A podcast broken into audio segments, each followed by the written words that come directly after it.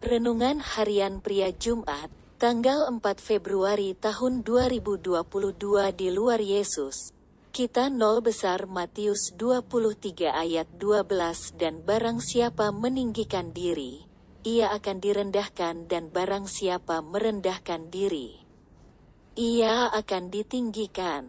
Orang-orang Farisi dan ahli-ahli Taurat berusaha untuk menjadi pemimpin dan menjadi yang terhormat. Dan itu menyebabkan mereka suka meninggikan diri mereka di atas diri orang-orang lain.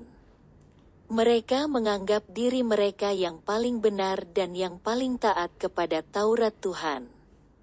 Yesus mengatakan kepada murid-muridnya dan orang banyak agar mereka tidak meninggikan diri.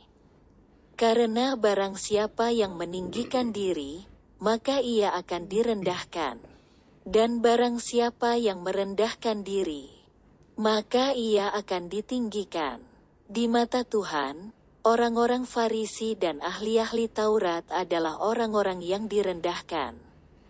Karena mereka suka meninggikan diri mereka. Prinsip kerajaan Allah mengenai ditinggikan dan direndahkan ini juga berlaku buat kita zaman sekarang ini. Memang karena tabiat dosa, lebih mudah bagi untuk meninggikan diri kita. Kita merasa lebih layak, lebih hebat dan lebih mampu daripada orang-orang lain.